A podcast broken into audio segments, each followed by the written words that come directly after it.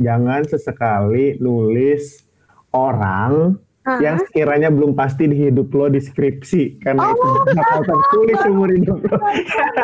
Aku baru connect, baru paham.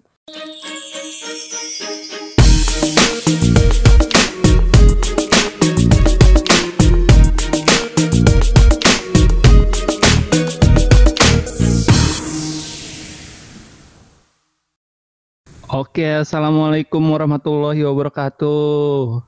Waalaikumsalam warahmatullahi wabarakatuh. pembukanya udah kayak mau pengajian. Iya nih, saya mau dakwah nih, mau cari tilawah nih. Ampun Pak Ustadz. Biar diberkahi gitu loh podcastnya. Nah, betul banget. Sebelumnya nih ya, eh gue bingung sih, ini mau ngucapin selamat wisuda atau enggak nih ke Karina nih. Tapi ngomong-ngomong Karina katanya enggak ini, enggak daftar ya, enggak daftar Ah, wisuda online ya. Kenapa wisuda. tuh? Sebenarnya sih karena sebenarnya kalau bagi aku ya kak wisuda atau nggak wisuda di saat sekarang itu ya ya udah nggak apa-apa karena memang yang penting bagi aku adalah yudisiumnya kan dapat gelarnya dan bisa melanjutkan ke jenjang yang lain. Cuman ya pastinya orang tua pengen lah ada wisuda anaknya. Nah dan dalam kasus ini mamaku tuh pengen banget wisuda offline. Jadi dia itu kayak uh, pengen ngerasain kan aku kebetulan aku anak pertama. Jadi dia pengen ngerasain gitu loh suasana gimana wisuda, foto-fotonya dan seneng aja bagi dia ketika ngelihat anaknya wisuda gitu loh. Kayak ada kepuasan tersendiri yang namanya juga orang tua ya nguliahin anak 4 tahun. Pengen lah ada Mhm. momen sakralnya kayak gitu. Nah jadi karena waktu aku yudisium kemarin ada eh, pengumuman dari pihak kampus kalau karena covid sekarang ini jadi kegiatan pertemuan wisuda dan lain-lain itu ditiadakan sampai akhir 2020 jadinya ya udah nggak ada wisuda sampai periode berikutnya.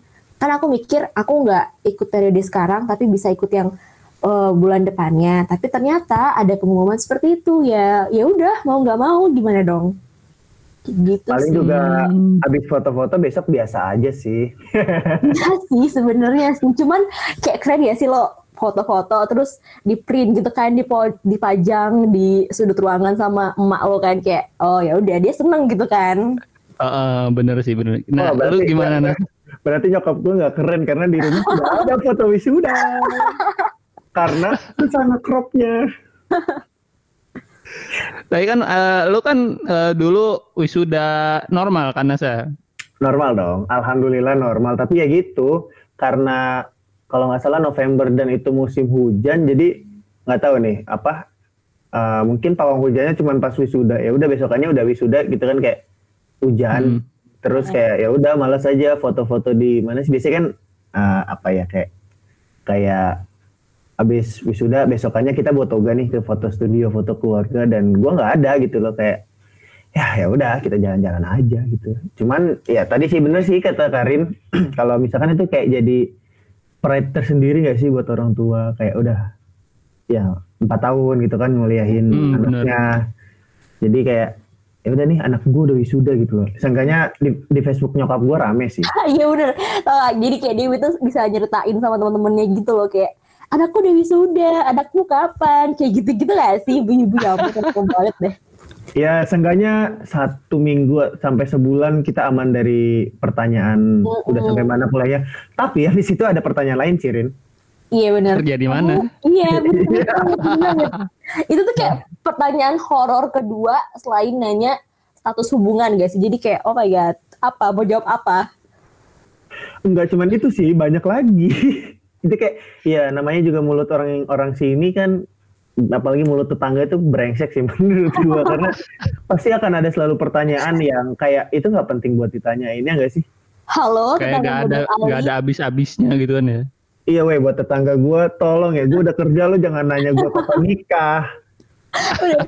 Jadi kayak runtut gitu gak sih? Jadi kayak kapan wisuda, terus tanya kapan kerja, kerja di mana, terus nanti kapan nikah, kapan punya anak, kayak gitu gak sih? Iya terus terus aja gitu sampai kita bertemu liang lahat waduh serem juga ya. Serem juga ya. Jauh banget nih ngobrolnya nih. Iya. Gue gue nggak tahu dah kenapa itu jadi kayak jadi kayak ranking gak sih misalnya dari satu nih kita lahir eh kapan nih anaknya bisa jalan terus kapan nih anaknya bisa ngomong kapan nih anaknya tumbuh gigi sampai kapan nih udah wisuda kayak itu tuh udah ke udah ke mindset gak sih Kayaknya tuh tetangga tuh punya punya list pertanyaan, Nas. Punya list Iya, pertanyaan. iya. Jadi ini waktunya nanya apa nih? Waktunya nanya apa? Jadi Kayak dari ada Maples listnya. gitu ya. Oh, bener. kayak nggak ada Nah. habisnya Mm-mm, bener. Nah, apa namanya? Kalau lu Rin kan nggak daftar nih, berarti Mm-mm. tetap eh, mau ikut wisuda berarti ya, tapi nunggu gitu ya. Iya nunggu dan bersabar harus menunggu sampai awal tahun. Dan aku juga nggak nggak tahu kak ke depannya apakah 2021 ini dunia sudah baik-baik saja atau enggak jadi aku bener-bener kayak ya udah gimana dong? Padahal hal yang paling tidak enak itu menunggu loh. Asik. ya, aduh, berat ini berat ya. Ah, berat sih ini. kayaknya kayaknya ini Kak Ali udah lama banget menunggu gitu ya. Jadi saking lama menunggunya menjiwai banget gitu ngomongnya Jangan dipancing dong, Rin. Jangan dipancing. asli empat, empat bulan gak ngapa-ngapain ya. Ya walaupun kerja cuman kayak lo lihat laptop tembok kayak aduh kapan sih kelarnya? gitu kayak bosen aja. Bukan bosen sih kayak udah kayak di titik ya kayak di titik kayak ayo dong gue pengen menghirup udara segar gitu loh. Ya gak sih? Jadi selama ini lo nggak ngirup udara segar gitu? Menghirup. Menghirup cuman kayak biasanya kita ketemu orang macet kayak gitu kan terus kayak sekarang ah gitu Padahal dulu tuh sering ngumpet ya gara-gara kena macet lah di KRL Lame lah dan segala macem. Tiba-tiba Ah. sekarang kangen suasana kayak gitu kan. asli kangen banget Kangen Tapi nyium, kangen nyium bau keringat orang habis kerja nggak di KRL? itu itu itu itu pas pas ngangkat badan gitu. Sumpah. Sumpah itu itu bukan jalur jalur yang bener-bener Transjakarta yang bener-bener hektik banget, crowded banget gitu kan. Itu tuh kayak udah paling benci kalau ada orang yang pagi-pagi berangkat kerja kayak nggak mandi, sih kayak Ada, ada kayak gitu ada. banyak. Sumpah itu kayak, aduh ya Allah ya Tuhan, kenapa gua pagi-pagi udah wangi ketemu orang kayak gini? Jadi mengurangi itu ya, semangat ya. iya, kayak ah ya udahlah. Kenapa jadi ngomongin bau badan ini? Gak tahu dari list pertanyaan sampai bawa badan orang juga diceritain dia di podcast ini. Iya, ini ini obrolan random dah intinya mah. Apa namanya? Lu kan di Jogja kan, Rin? Di Jogja. Alhamdulillah udah sampai Jogja. Eh, kalau lu Nas di Jakarta masih? Atau mas Alhamdulillah, Alhamdulillah masih di kamar kamar rumah. Oh, berarti masih WFA ya? Masih. Tapi Sampai Karin waktu- udah ini. Udah WFO. Eh, per 1 Juli besok udah masuk kantor. asik kerjaan Asik, baru. asik kerja, asik udah gak ditanyain Asik. ketemu gimana. Asik. Padahal wisuda aja belum ya, tapi udah Iya, kerja bener. loh. Wisuda aja belum. Eh tapi itu bisa jadi keuntungan sih buat kayak angkatan sekarang yang nggak nggak maksudnya kayak dulu kan kalau zaman gua ya, ya Hmm. siapa Karin Mi sedikit cerita gitu kan. Itu zaman zaman gua sama Fahmi mungkin itu berasa kayak kalau lo belum wisuda kayak itu nyari kerja tuh susah banget gitu kan. Ya maksudnya kayak zaman zaman gua sepertinya ada sih teman yang gua rasakan adalah ketika gua melamar pekerjaan itu susah banget tau gak pakai SKL itu. Mm-mm. Lo ngerasain gak sih Mi? Halo? ya dia hilang. Wow, tertidur rupanya Fahmi. Iya, jadi kayak susah banget gitu loh nyari kerja bawa pakai SKL doang kayak kayak enggak kayak bukan apa ya, bukan disepelekan kayak dipandang Emangnya emangnya kalau zaman kakak tuh masih pakai SKL gitu ya? Soalnya kalau aku kayak sekarang ini kayak cuman CV terus tuh kayak bener-bener di interview eh, karena di CV itu basicnya bisa punya skill apa dan segala macem gitu sih. Nggak ditanya sampai SKL gitu sih. Ah dulu kan kalau nggak tahu sih sekarang Ah, mungkin karena keadaannya kayak gini. Kalau dulu Mungkin zaman ada beberapa sih, ada beberapa. Nah, itu. Jadi kayak tergantung tergantung tergantung tergantung apa? Tergantung perusahaannya menurut gua kayak ada kan yang minta ijazah otomatis kalau misalkan belum wisuda kan kita belum dapat ijazah nggak sih Mm-mm, mm-mm. Nah, jadi kalau sekarang itu kemarin karena ini kasusnya banyak banget kak yang pengen banget wisuda offline. Bahkan teman-temanku aja yang udah lulus dari uh, Januari kemarin, Januari awal, itu tuh tetap pengen kekeh untuk uh, wisuda offline. Iya makanya kayak aduh ya mungkin keadaannya beda sih sekarang. Cuman kayak ya satu hal yang harus disyukuri mungkin dari kalian adalah kayak perusahaan tuh melihat ijazah tuh kalau misalkan gue belum wisuda pasti paham sih. Mm-hmm. Karena aku sempet sih, sempet sih kemarin ditanyain pas aku interview, kamu udah wisuda belum sih? Terus aku jawab aja apa apa apa apa adanya gitu loh kayak ya udah mungkin karena memang kondisinya seperti ini juga dan uh, pihak perusahaannya paham juga sih karena memang sebenarnya kalau sistemnya sekarang itu jadi kamu bisa ikut wisuda offline mm -hmm. kapan pun um, tapi nggak sampai lama juga ya nggak sampai bertahun-tahun juga lah ya. Iya makanya. bisa ikut wisuda offline nanti uh, sebenarnya ijazahnya sekarang udah bisa diambil. Nanti pas uh, seremoninya wisuda itu nanti kita dikasih fotokopian ijazah kita doang. Jadi kayak ya udah kasih gitu. Tapi ijazah aslinya udah di kita semenjak setelah kita yudisium. Wah, enak sih. Maksudnya kayak enggak kalau di kalau di kampus kita kan itu kayak habis sidang ya kan? Hmm. Kita nunggu yudisium satu atau dua minggu sebelumnya kan dan harus menyelesaikan magang nggak sih? Polanya masih gitu nggak sih? Sama-sama. Sama kan? Jadi kayak mau nggak mau kita masih ke ketahan sampai dua bulan nggak sih? Iya sih. Ya, masih ketahan sampai dua bulan dan Iya bener. Masih ketahan sampai dua bulan, terus masih nunggu yudisium yang di tanggal yang ditentukan sama prodi juga sih. Mm -hmm. Tapi mungkin mungkin ada beberapa step yang dipangkas ya, ya nggak sih Rin? Kalau step yang dipangkas sih sejauh ini enggak sih kak, cuman uh, lebih ke kalau dulu kan kalau misalnya lulus harus nyumbang nyumbang buku di perpustakaan. Nah hmm. kalau sekarang itu nggak di, nggak diadain nyumbang buku, jadi kayak uh, semuanya kan serba online ya jadi kayak ya udah gimana juga mau nimbang buku kan jadi kayak uh, dipermudah sih sebenarnya ya satu hal yang disyukuri mungkin dipermudah kali ya iya sih dipermudah alhamdulillah Iya kan dulu kan harus lumayan duitnya bisa ditabung kan. Nah, yang juga nggak boleh gitu. ilmu disumbangkan untuk orang lain supaya orang lain juga mendapatkan ilmu nggak boleh kayak gitu ya.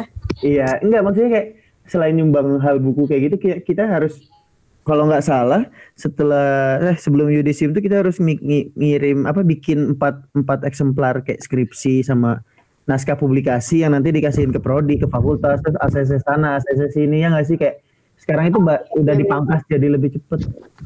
Iya dan harus ngeprint sana sini juga kan banyak yang harus diprint juga kan. Mahal banget itu. Ya lumayan itu Asli.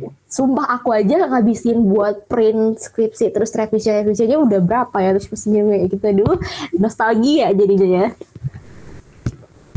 Iya kayak abis revisi nih kan, itu kan aksesnya tuh tanda tangan, tanda tangan dosen pembimbing, tanda tangan dosen penguji ya kan.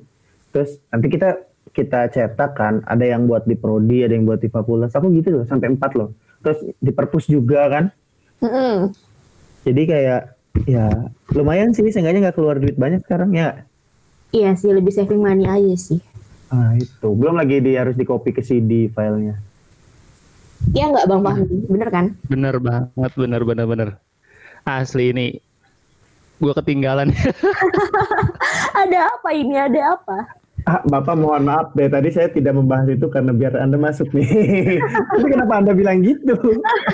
Gak apa-apa, kita tuh the point. Kita tuh the point. Mm-mm. terbuka terbuka.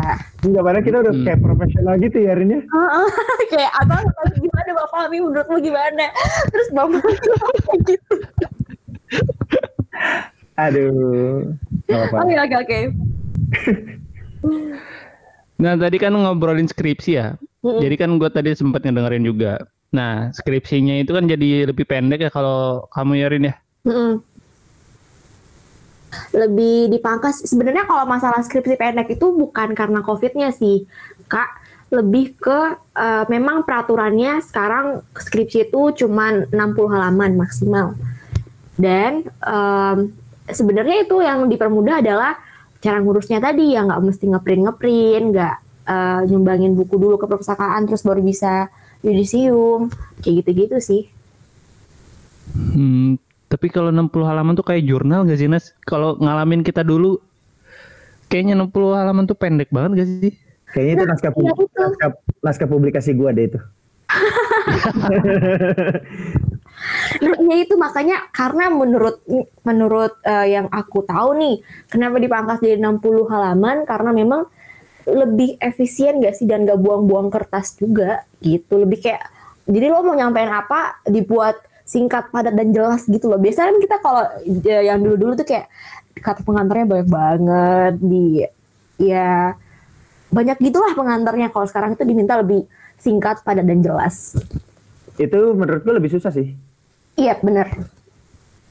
Kalau Karena lebih ini ya harus habis skripsinya Pak, efektif juga. skripsinya Fahmi banyak ditambahin kata-kata nggak penting tuh yang penting nyambung. Sumpah. ya kan lebih nggak kan lebih. Enggak dong, enggak dong. Eh, skripsi gua eh, sangat bermanfaat sekali untuk diri saya sendiri ya. Eh masuk masuk lemari kaca nggak? Masuk dong. Nah, ini aku nggak tahu kak. Kan kalau kalian kan di print jelas tuh bentukannya dikasih ke prodi, jadi bisa di dipajang di perpustakaan atau Hmm, eh, apa gitu Hmm. kan. Nah, kalau kayak angkatanku sekarang ini kan kita kayak, kayak cuman ngirim file doang. Aku nggak ngerti gimana itu nanti apakah di print sama kampus ataukah nanti yang mau cari contoh referensi skripsi sebelumnya dikasih filenya aku nggak tahu. Kayak ya udah sih, kayak bingung aja. Paling nanti dikasih link bit.ly. Hmm. Tapi kan secara digital juga udah udah ada kan masuk ke ininya ke apa arsipnya kampus juga kan. Hmm. Tapi oh kalian ngerti gak sih kayak keren gak sih kalau misalnya ketemu skripnya Bang Fahmi di Nadim, Bang Ali di Nadim tuh kayak oh Jadi bahan referensi gitu ya. gitu. Mohon maaf deh, kayaknya kalau skripsi gue bukan bahan referensi deh, jadi jadi bahan gosip deh di kata pengantar. Aduh, lu, gue kalau kalau pengen sampai kata pengantar, pengen banget sampai kata pengantar itu. Aduh. udah udah mi diem mi diem Mi, diem mi. Ini nih contoh-contoh mahasiswa yang menuliskan kata-kata mutiara di akhir dan di awal tuh. Nah jadi nih buat buat buat pendengarnya Fahmi atau buat teman-temannya Karina, jangan sesekali nulis orang Hah? yang sekiranya belum pasti di hidup lo di skripsi karena itu Oh. bakal tertulis seumur hidup lo. Aku baru connect, baru paham. Iya iya. Tuh. Emang nggak Ya. untuk dipahamin sih. Ih, kayaknya aku nulis juga juga deh gimana ya? Aku nggak tahu ke depannya gimana. Aduh aduh. Gimana? Aduh, aduh, aduh. Tapi kan tapi kan tapi kan yang ditulis itu kan bermanfaat untuk kamu Nas, untuk kalian ya Oh. kan. Anda mencoba Nah membantu saya. kan. Ya Anda kamu mencoba. nggak boleh kayak gitu bang. Dia kan udah bantuin kan misalnya ngapain Iya. gitu, bawain Walaupun- makanan apa apa gitu. Hmm, bener, walaupun hanya kata semangat gitu kan, ayo ayo gitu kan. Iya bener kan? Dia dia udah merubah hidup kamu loh. Ya, Bener. terima kasih untuk yang yang sudah memberi semangat saya selama kuliah. Terima kasih saya ucapkan. Semoga dia nggak dengerin podcast ini ya. Pasti sih kayaknya. Iya, iya, iya, semoga. Terima kasih. Terima kasih. Kamu baik kok di hidup saya dulu. Iya. Asik. Oke, next. Aku tuh baru mau bilang, Oke. kayaknya ini didedikasikan aja deh buat Bang Ali buat cerita gitu ya podcastnya. Waduh, jangan, jangan, jangan. Jangan, jangan, jangan, jangan. jangan. Saya Nanti tidak- ada episode khusus sih kayaknya itu ya. Waduh. By the way, eh, sekarang tuh udah masuk bulan ke berapa sih COVID nih? Udah masuk bulan ke-6 ya kayaknya ya. Iya, Atau ah dari. Maret sih. Maret nggak sih eh, kasus pertama tuh? Eh, Maret ya, tapi Iya, iya Maret. November tuh udah mulai di China kan, November, Maaf. Desember tuh. Hmm, tapi kalau yang Oh di, iya, heeh. di Indo kan Maret kan? Mm, mm, mm, mm. Maret, April, Nah. Juni, lumayan sih. Kalian masih dengerin itu, masih dengerin beritanya, masih baca beritanya. Udah kasus keberapa sih? Nah, tadi yang pagi aku baru baca, aku baru baca udah tembus 10 juta. Wow, selama ini I don't care. Yang penting saya selamat. Oh gitu sih. Karena aku emang follow yang itu kan, yang akun-akun berita-berita gitu kan jadi kayak dia seliweran di temanku jadi kebetulan aja baca gitu Hmm. Kalau di Indonesia sendiri udah udah berapa, Rin? Karin, Jadi kayaknya kan informa- informan covid ya Dia negara kayaknya Enggak, berarti kan kita ada ada perbedaan nih. Hmm. Kalau dari gue sendiri, gue udah kayak cuek gitu sih sama berita-berita COVID nih. Nggak tahu gitu eh, perkembangan COVID di Indonesia itu udah berapa yang positif, yang sembuh berapa kayak kayak udah gak pernah lihat berita lagi gitu. Kalau juga kan, Nes? Kalau gue dari awal ribut-ribut itu sih, cuma kayak, aduh percuma kayak gitu. Yang penting lo menyelamatkan diri lo sendiri dan keluarga.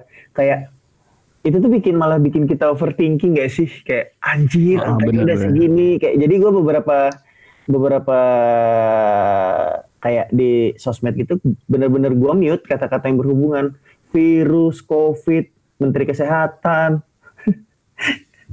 kayak ya udah bener-bener kayak bahkan di rumah pun nggak nonton TV kayak gitu. oh gitu Mm-mm. Tapi kalau lu masih ngikutin ya, Rin ya? Kalau dibilang ngikutin banget sih enggak kak, cuman karena memang ya tadi itu ngefollow akun-akun berita, jadi kan memang itu kontennya mereka kan, jadi kadang kalau buka Hmm. timeline itu ya kebaca, jadi ya em, dibilang interest banget sih, ya enggak juga, cuman karena memang penasaran juga, jadi kayak pengen tahu juga, ya udah dibaca. Tapi kalau yang interest banget tiap hari mantengin hari ini berapa ya, besok berapa ya, kayak enggak enggak enggak gitu juga. Hmm, kayaknya udah lingkungan juga sekitar juga kayaknya udah mulai kayak gak terjadi apa-apa sih, ngerasa gak sih? Ih, itu tuh kayak nggak ada new normal gak sih? Semua jadi normal. Iya, Nggak ada yang namanya new normal. Mm-mm, bener. Jadi kayak apa ya, hari-hari biasa aja gitu loh.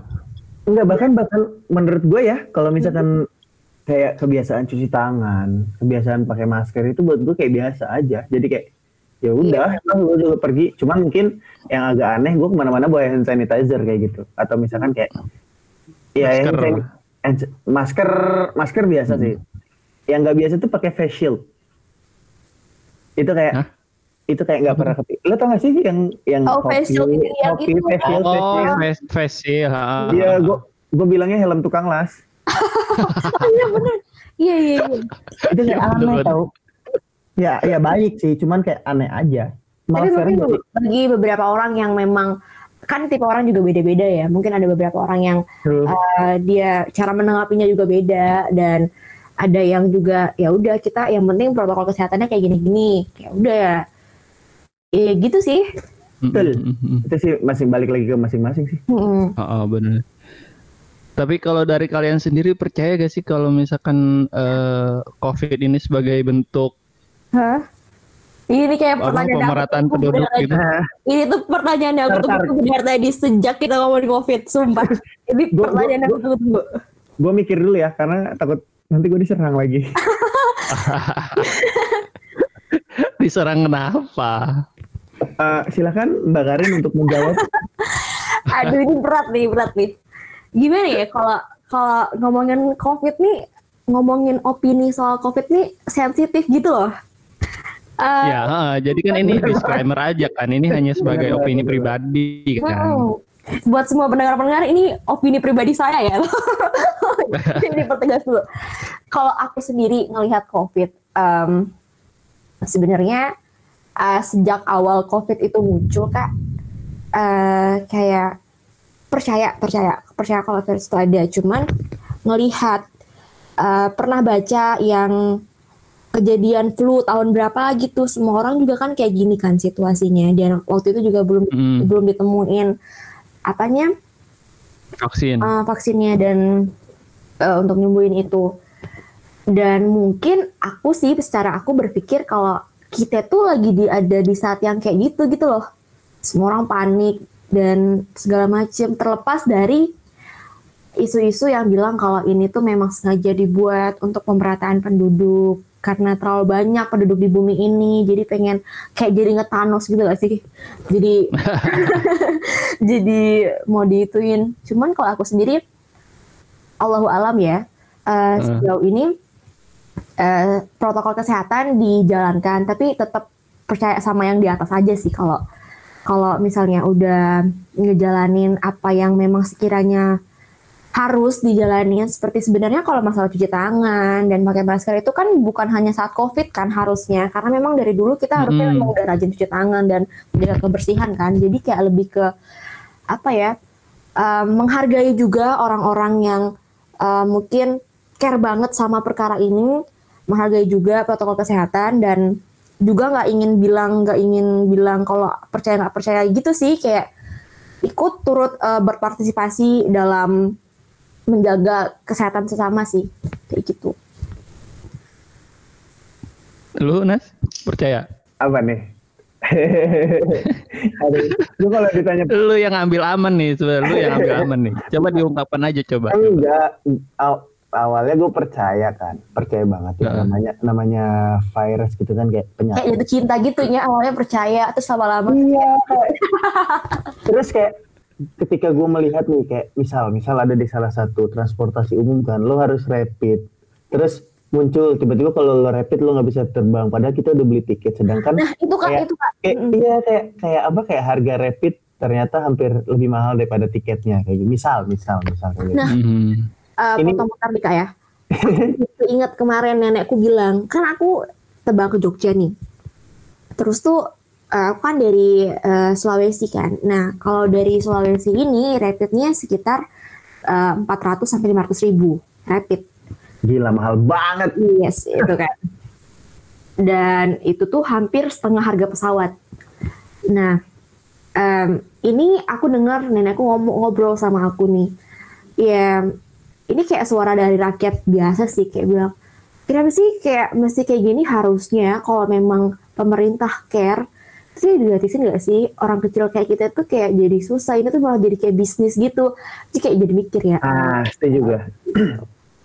iya kayak kayak misal nih, misal amit-amit cabang bayi. Gue gue gue udah pernah dua gue udah kali dua kali rapid dan non reaktif syukurnya gitu kan. Tapi kayak eh, setelah dinyatakan reaktif pun kan belum tentu itu positif kan, positif dan dalam artian kayak misal misal kita mau pergi nih, misal gue gitu kan, gue mau pergi, gue harus ke bandara atau ke stasiun, mau nggak mau, gue nggak tahu ternyata harus pakai rapid test kan harus tes di situ kan, dan harus mengeluarkan cost lebih kan, Hmm. Mhm. belum lagi belum lagi kalau misal ternyata si hasilnya itu PCR-nya adalah kita reaktif ya kan? Otomatis kita satu kita dicekal buat jalan.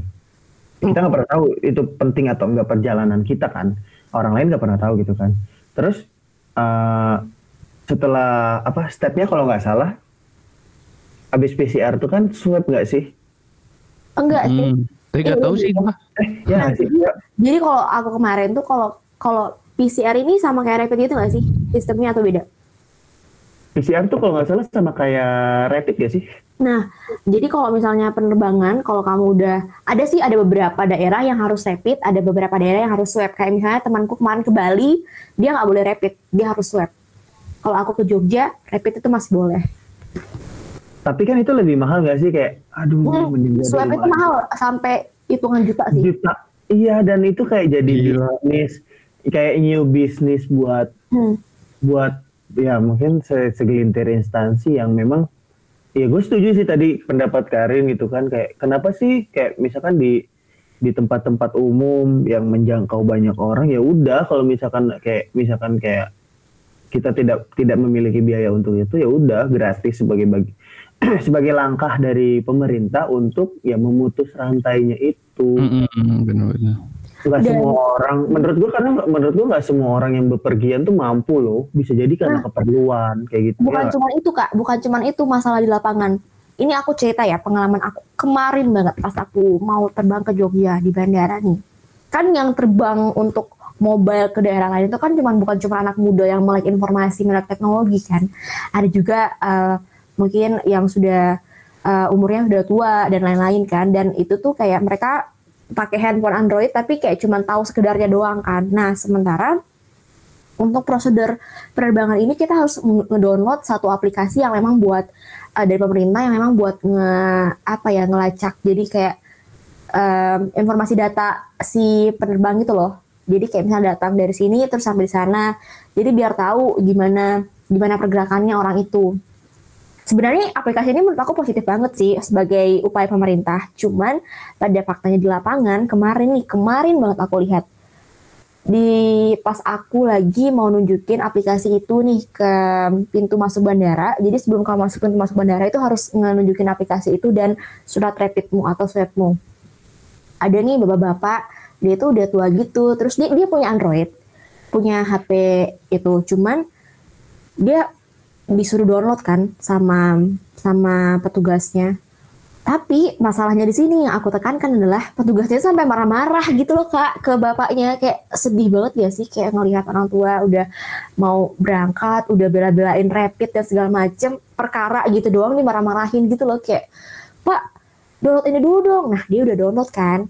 Terus tuh dia sesi itu lagi dong ke petugasnya lagi. Terus pak diisi dong datanya kayak aku nggak tahu mungkin petugas juga apa petugas juga capek kan ngeladenin banyak orang. Cuman kayak uh, poinnya di sini adalah aku jadi merasa kayak segitu banget ya. Sekarang itu kayak bener-bener udah susah dan sedih aja gitu loh kak ngelihat uh, keadaan sekarang itu orang udah jadi kayak ya gitulah kamu kalau ngelihat orang udah tua gitu bapak-bapak atau ibu-ibu terus mesti ngurusin ini itu dengan ribet padahal tujuannya mau pergi gitu mau tenang pergi gak ribet apa apa tapi jadi malah di kayak gitu kan sedih juga kan. Jadi kayak menurutku ini malah jadi udah uh, bisnis terus kayak kejadian-kejadian kayak gitu mungkin bisa aja terjadi di mana pun gitu iya kita itu ya enggak gue pernah bilang gini sama Fahmi.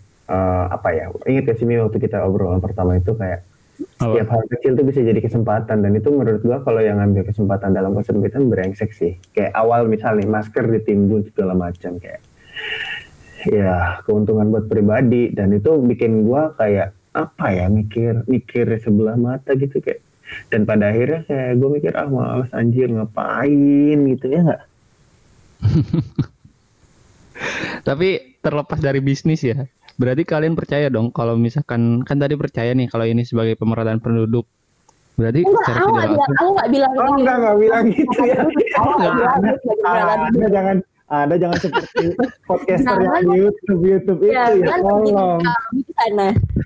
Nah, saya belum mampu bayar lawyer, Anda jangan mencebloskan saya ke situ. kita balikin aja kalau menurut Bang Fahmi gimana? Mati kami. Oke, ini jujur dari gue ya. Kalau misalnya dari gue sendiri. Taruh dulu, Mi. Apakah ini sebagai upaya untuk pemerataan Menurut gue, ini disclaimer ya. Ini menurut gue pribadi. Hmm. Ini menurut gue eh, bentuk pemerataan penduduk. Ini sebagai apa ya? Kayak uh, halunya gue sih, pemikiran halunya gue. Jadi berarti Bang Fahmi ini uh, salah satu penganut konspirasi ya kalau kata orang-orang ya. Karena ada beberapa orang yang bilang itu konspirasi. Seneng banget gue karena saya tunggu pertanyaan ini sengaja saya tidak mau keluar dari mulut saya. Uh, uh, nggak nggak konspirasi banget sih. Gue juga nggak nggak terlalu pro sama jering. Maksudnya kalau dari gue sendiri percaya enggak uh, main logika ya, main logika. Yeah. Ini dari halunya gue sih. Uh, gini, uh, contohnya adalah KB keluarga berencana. Mm. Itu lokal nih ya, itu dalam bentuk lokal Indonesia. Yeah. Dari Indonesia sendiri aja berusaha untuk uh, apa ya memeratakan penduduk di Indonesia dengan mengeluarkan program KB Iya gak bener gak? KB itu kan untuk memerataan penduduk agar tidak iya. membludak kan, maksudnya mengkontrol penduduk gitulah. Aku ingat banget lagunya dua anak lebih baik gitu guys. bener banget. Nah jadi eh, menurut gua eh, ini juga bisa jadi alat untuk para apa ya? Uh, yang ya, pemangku kepentingan lah yang punya uh, pemangku kepentingan dunia ini untuk mengontrol populasi di dunia ini iya gak sih Thanos kalau, kalau halu ini pemikiran haluku loh ya. Mm-hmm.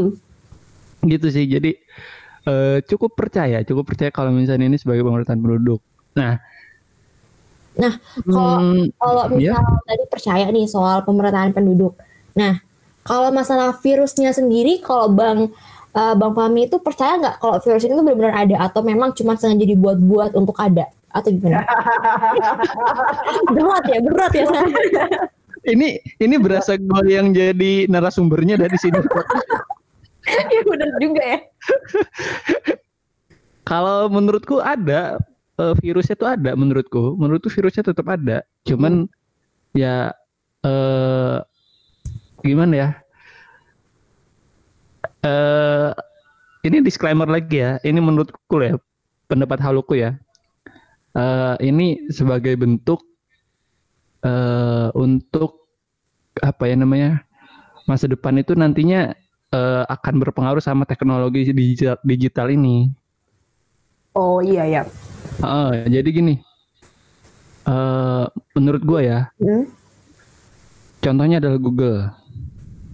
Google itu dia eh, menurut gue monopoli. Kenapa? Karena dia eh, ngambil semua lahan di teknologi. Eh, kita aja ngomong di sini pakai Google Meet, ya kan? Google Meet punya Google. Endorse dong, Browser ada Google. Apa? Eh, Bisa kali browser Google. Google, punya. Heeh, browser juga Google punya. Hmm. Terus Microsoft Word, Excel, Ya, hmm. Google juga punya spreadsheet sama Google Docs, Google Slide. Semuanya Google punya. Jadi secara tidak langsung eh Google, ini Google Drive yang monopoli. paling penting Google Drive itu sangat membantu. Hmm. Hmm, bener. Jadi teknologi ini semuanya tuh Google yang punya gitu loh. Nah, ini eh, pemikiran halu gue adalah si. COVID ini Anda sambil mikir kan, ini nggak ada di list pertanyaan nih. Eh, Anda jangan mancing-mancing. Kenapa ini gua enggak beneran beneran. Di list di kok jadi di list sih? Di covid ini banyaknya yang eh, korban korban covid ini kebanyakan para lansia kan? Bener gak Hmm. Hmm. para lansia nah. Nggak tahu kak, saya nggak pernah survei. iya maksudnya Pemberitaannya kayak gitu. eh, ah, menurut menurut pemberitaannya kan begitu. Makasih loh Karin udah bantu jadi menurut pemberitaannya kan para lansia nah nah gue mikirnya gini kenapa para lansia karena para lansia ini eh, kebanyakan gaptek sama teknologi. Oh, heeh. nah dengan gapteknya ini otomatis eh, teknologi ini secara tidak langsung isinya anak-anak yang muda semua yang udah paham sama teknologi semua gitu loh Jadi keinget ceritaku di bandara tadi gak sih? Orang tua mesti download ini terus kayak gitu. Hmm, bener bener bener. Nah itu eh, masuk juga sih. Jadi kayak semua itu jadinya eh, Google ini bisa mengkontrol kita gitu loh. Yang tadinya ada nih orang lansia yang nggak ngerti sama teknologi, mungkin itu adalah eh, Google tuh gak bisa menjangkau itu karena si lansia ini gaptek gitu kan. Nah dengan COVID ini menyingkirkan yang para lansia secara tidak langsung teknologi itu udah bisa menjangkau semua manusia gitu loh. Jadi secara tidak langsung pun kita bakal dikontrol. Dia tahu Google Google kan tahu kan semua aktivitas kita. Kita ke mana aja, identitas kita, eh Dan bahkan Umur yang, yang gender kita berapa. kemarin, yang paling baru kemarin nih, eh, temanku habis nge-share instastory gitu, tiba-tiba Hmm. Dia eh, ngobrol nih sama teman-temannya, kepengen beli alat dapur, tiba-tiba besok di Instagramnya ada iklan alat dapur. Dan ternyata setelah dicek-cek kenapa bisa kayak Google eh, atau apa eh, Instagram ini bisa ngerti? Karena memang ternyata mikrofon handphone kita itu nyala 24 jam. Dan dia bisa dengar dari situ. Dan dia tahu apa yang kita mau, apa yang kita butuhkan. Jadi itu kayak ya benar kata kamu tadi.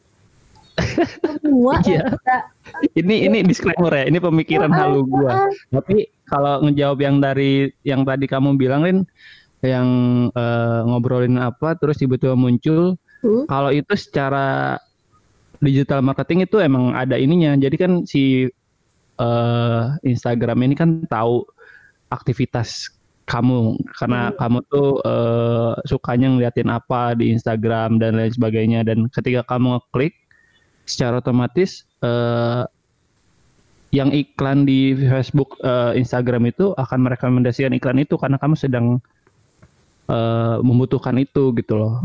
Halo Instagram, endorse kami dong. Tadi udah Google, sekarang Instagram. Apalagi habis ini kita. Tapi kan emang dunia digital kan persaingannya kalau media sosial itu uh, Facebook kan, maksudnya yang yang apa ya istilahnya mah pionirnya lah. Ya, kalau misalkan teknologi Google ya kan. Iya gak sih? Bener bener bener bener. Cua kok diem aja. Coba gimana pendapatnya Nas?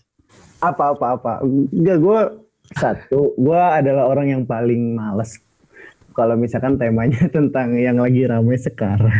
Jujur gue paling malas bahas itu karena kita akan men men mendapatkan banyak persepsi gitu loh.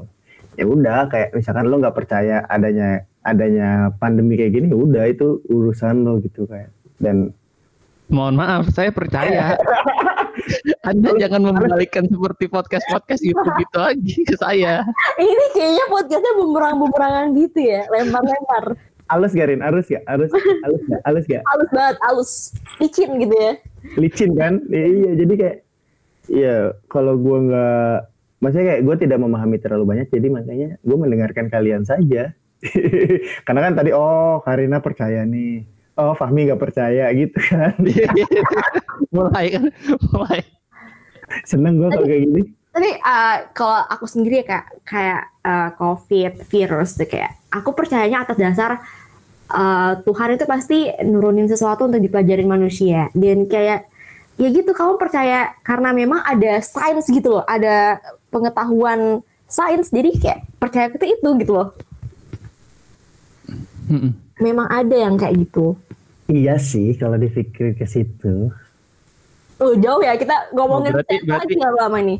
Berarti Naswa percaya nih sekarang nih. 50% iya, 50% masih bingung saya. ya gimana gimana nggak percaya orang dampak ke, ke pemasukan gue sendiri kok. pusing tau gak pusing tau gak? Banyak banget yang terdampak sumpah. Pusing tau gak pusing. Oh benar benar benar. Tapi dari ini sendiri, menurut lu nih ya, TikTok. Apalagi nih, karena ke TikTok langsung. jelas, jelas banget aja tadi Apa namanya? TikTok. itu bakal bakal sampai mana itu itunya? Nah tanya Karina tuh, Karina konten kreator sekarang kayaknya. Ini, ini, ini, ini pertanyaan, kan, ini pertanyaan hmm. yang pengen buat aku jawab, sumpah. Jadi aku uh, karena kan Anda kan sosial media spesialis kan. Hmm. Nah, makanya saya tanyain nih. Jadi aku pernah uh, apply di salah satu perusahaan uh, jadi kreatifnya mereka. Terus aku ditanya dong sama usernya, menurutmu TikTok ini bakal bertahan lama nggak? Sama seperti apa yang kamu tanyakan. Terus dengan, dengan polos kamu karena menurutku kak, karena menurutku dulu kan kita lihat TikTok ini cuma isinya joget-joget nggak jelas. Kamu bet ya, kesel gak sih kalau lihat TikTok yang dulu itu kayak ilfil gak sih? Kalau aku sih ilfil ya ngelihat TikTok yang hmm. dulu itu. Aku jawab lah dengan pengalamanku itu. Kalau menurutku uh, TikTok ini karena memang bicara Indonesia ya. Jadi karena orang Indonesia ini suka yang booming, jadi karena TikTok lagi booming, jadi kayaknya TikTok ini hanya booming beberapa saat aja dan nggak akan berlanjut sampai nanti. Terus um, ternyata aku salah besar. Salah besar. Ternyata yang sekarang aku lihat adalah TikTok bisa mengambil pasar, bisa memanfaatkan pasar. Jadi even bahkan um, udah udah even bahkan lagi bahkan uh, bahkan uh, perusahaan-perusahaan e-commerce dan lain-lain itu menggunakan TikTok sebagai sarana untuk uh, iklan mereka. Jadi kayak TikTok ini uh, berevolusi menjadi uh, sebuah aplikasi yang bukan hanya buat joget-joget doang, tapi bisa menjadi aplikasi yang lebih kreatif. Kayak misalnya sekarang nih, um, ada video-video kalian pernah lihat video-video tips-tips buat foto produk gitu nggak sih di TikTok yang kayak mm-hmm. gitu terus video-video uh, konten psikologi yang um, dia ngomong soal soal apa ya ilmunya dia tapi disampaikan uh, via TikTok dan itu lebih mudah dipahami oleh audiens. Dan yang lebih kerennya lagi TikTok sekarang udah kayak Adobe Premiere atau After Effects gitu loh ngedit videonya. Ini kayak kita di endorse lagi harusnya. Gitu.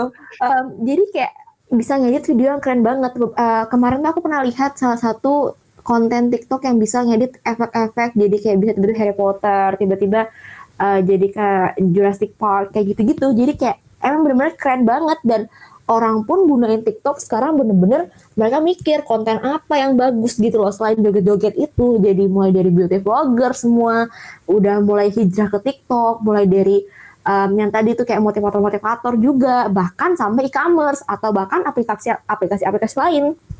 Dan uh, untuk sekarang ini bahkan aku dituntut untuk belajar TikTok kak, karena memang TikTok itu pengaruhnya besar banget sekarang. Mm-hmm. Karena tuntutan seorang sosial media spesialis itu ya. Mm-mm. Sepertinya akan melihat nanti video. Please check. Tapi perusahaan lo bikin juga Nas TikTok? Wah, sepertinya saya tidak tahu. Kalau di sosmednya kayaknya iya, udah mulai sih, cuman masih masih repot cepat karena kan itu kan perlu effort juga nggak sih? Iya. Iya. Oh, oh. Harus ada konsepnya juga biar keren gitu nggak sih? Kalau perusahaan kakak juga iya kan? Yang dulu, yeah. Hmm. Yang dulu yang mana nih? Yang waktu itu. Be, jangan by the way, jangan, jangan be, terus dong kita nanti lama-lama beneran di endorse nih lumayan sih. Amin sih. jangan jangan sebut merek nih karena um, minggu kemarin Fahmi habis interview. ya kan lo Mi tahu kan Mi lo, lo interview di agensi kan? Apa? Gimana sih? Lo, lo, lo, habis, lo, lo habis interview di salah satu agensi di Jakarta Utara kan? Mm -mm, bener Tahu gua HR ya. oh, Anda mengenalnya. Enggak enggak kenal sih karena habis Anda saya. Oke, berarti Anda kompetitor saya. Oh, ternyata Tunggu saya dulu. tidak lolos karena Anda. Sekarang saya tahu. Jangan-jangan Anda bukannya lo dipanggil ya? Gue dalam selimut. Bukannya lo dipanggil ya? Apa? Bukannya lo dipanggil ya? Nggak ada. Lo kan di interview kan? Ah, ah, ah di tapi nggak lanjut lagi gak tau. Ya, gue juga belum. Belum positifnya mungkin belum. belum nih kan kan ini nanti kita kabarin dua minggu lagi ya. Itu kata-kata yang paling romantis tau gak? Iya, itu kayak, aduh, itu sih menunggu dua minggu ini udah kayak deg-degan ya. Ini kayak aku nunggu kata-kata yang dua minggu itu, di mana aku nunggu sudah lebih lebih deg-degan yang itu sih kak sebenarnya. ini ngalor ngidur banget ya ini obrolannya sih. Nah, gue mana gue gue mending ngobrolin soal ini daripada tadi. Aduh berat sekali. Karena lo gue tahu sih lo lo kan udah lo kan gak percaya dengan adanya yang sekarang ini gitu nih jangan mulai dong jangan mulai dong. Iya iya, iya. nah tiba-tiba viral kenapa, kenapa, kenapa lo ini mau loncat lagi Nas? Enggak loncat sih gue me, me, mengencangkan persaingan aja. Ya btw kalian daftar posisi apa sih? Ah daftar dapat Beda sih kayaknya. Beda juga sih kayaknya. lo, lo mau buka-buka aja, lo mau buka-buka aja. Mas, nih, Aku nih. kayak mancing-mancing banget ya. Masalahnya kalau gue buka-bukaan nanti, aduh takut didengar sama, aduh. aduh. Skip dah kayaknya. Skip. Aduh, jangan, jangan, jangan, ganti topik, ganti topik. Jangan, jangan. Balik lagi ke TikTok. Hmm. Kayaknya Karin lebih paham sih daripada gue. TikTok. Hmm. Kenapa Rin? Gue iya sih gue mau nanya sama lu Rin. Kenapa walaupun TikTok sekarang booming justru gue ngelihat Instagram itu sebagai marketingnya TikTok sih. Yep, iya, Isinya ada, TikTok ada semua. beberapa yang bilang kayak itu. Hmm. Itu kenapa menurut lo? Karena uh, jadi aku pernah lihat salah satu video seorang influencer ngomong kayak gini kak sebenarnya TikTok itu keren tapi dia belum punya market. Marketnya itu tetap di Instagram. Jadi kayak TikTok itu nggak berdaya tanpa Instagram gitu kan. Karena memang pada faktanya pada di lapangannya memang orang juga nge-share itu di Twitter atau Instagram kan video-video hmm. TikTok makanya itu menjadi viral. Cuman um, ada ini tuh uh, ada dua fungsi yang berbeda sih menurutku kak. Jadi kayak TikTok ini uh, dia punya cara kreatif sendiri bikin gimana cara kita bikin konten menarik dan orang-orang jadi senang untuk berada di sana. Sementara Instagram ini memang karena memang uh, platformnya bagi video, bagiin foto dan yang kayak gitu memang uh, emang lebih gede Instagram untuk power power itunya, power share-nya. Cuman kalau dibilang TikTok nggak guna juga enggak, TikTok itu berguna juga saat sekarang ini. Tapi kalian sadar gak sih yang awalnya aplikasi di di apa ya kayak diremehin gitu tiba-tiba jadi boom gitu. Ingat gak dulu? Kayak Dulu kayaknya cerita. dulu kayaknya kayaknya Snapchat Hmm. kayak sih. Terus Twitter juga dulu kayak gitu ya kan? Aku takut ya, jangan-jangan nanti besok Instagram buat aplikasi, eh bukan buat fitur yang kayak TikTok. Mulai dari- emang bukannya udah ada ya? Itu udah ada di berita tahu. Sumpah, aku Sumpah. belum tahu. Coba browsing deh. Itu saya nunggu-nunggu tadi mau nanya itu dibuka duluan. Enggak, soalnya kalau pengalaman kan dulu ada eh, apa namanya Snapchat, tiba-tiba ada Instagram itu kan, Instastory, terus tuh yang ada Bigo Live, Bigo Live, terus ada Instagram Live, kayak gitu-gitu kan. Jadi kayak memang apa ya gercep banget tim kreatifnya si Instagram ini sih. Menurut gue sih ada dua kemungkinan sih Rin. Pertama, Instagram itu kemungkinan pertama Instagram bakal mengakuisisi TikTok. Ah, ah, mungkin. Yang kedua, kemungkinan Wow. kedua adalah Anda bisnis Oh. development sekali. yang kemungkinan yang kedua kalau misalkan TikTok tidak mau diakuisisi, Instagram akan membuat seperti TikTok. Tapi nih kak, mau nanya balik nih sama kamu. Menurut kamu sekelas TikTok mau nggak diakuin sih sama Instagram Se- dengan power mereka yang sekarang? Wih, Aduh, berat sekali. Menurut gua itu tidak ada yang tidak mungkin. Contohnya sekarang aja di Indonesia Dana sama OVO aja merger. udah, udah. Iya, maksudnya jadi bakal gue sempat baca sih maksudnya bakal jadi merger gitu loh. Oh, aku baru tahu nih, aku baru tahu. Nah, entah namanya itu jadi apa, gue gak tahu juga sih. Dan itu jadi ntar saingannya GoPay sih. Gitu. Dan coba dilihat aja sekarang apa namanya eh promo-promo OVO sekarang yang lebih gede daripada GoPay itu di di mana-mana di kafe-kafe gitu, coffee-coffee shop gitu udah gak ada kan. Apa Gila, gila, banner-banner gitu. Gila-gila. Fahmi, Fahmi sekarang brand awareness-nya kenceng banget. Gila-gila. Salah, salah, salah, salah. Salah gue, salah gue. Ini Garin. Ini ini bagian dari branding dia untuk menjual diri ke startup, e-commerce. Iya, iya, iya. nanti tolong ya teman-teman HR di atau talent acquisition yang ada Boleh, di boleh. iya yang ada di payment, fintech, boleh nih rekrut teman gua biar dia me- mewujudkan mimpinya untuk terbang ke Jakarta. ini dua orang Aku ya setelah ini ya. Tolong Anda baru baru Mulai baru kerja. Anda baru memulai kerja, jangan macam-macam ya. Anda jangan berani-beraninya menyalip saya dan kakak tingkat Anda ya. Tapi menurut gua pe- ke per- persaingan sekarang ke kerjaan berat tau. Eh bener banget. Kemarin aku sempat cerita sama salah satu teman eh, teman juga teman kita di di eh, komunikasi. Kayak dia angkatan 15 eh, cerita kayak gini. Kayak kita tuh sekarang tuh saingannya bukan cuman angkatanku tapi juga angkatanmu tapi dan juga orang-orang yang kena PHK ini tuh kayak bener-bener berat banget gak sih buat eh, Betul.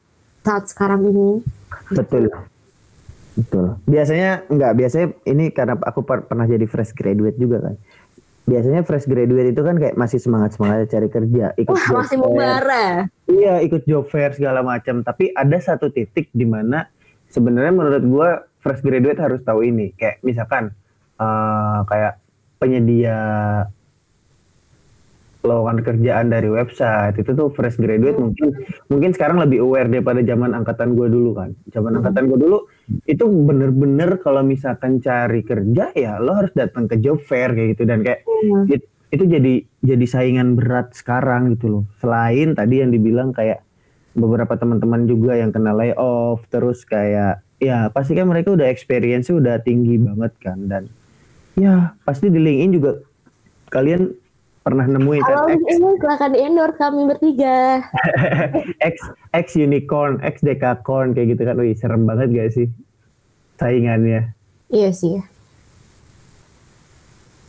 Iya benar. Gitu Mi.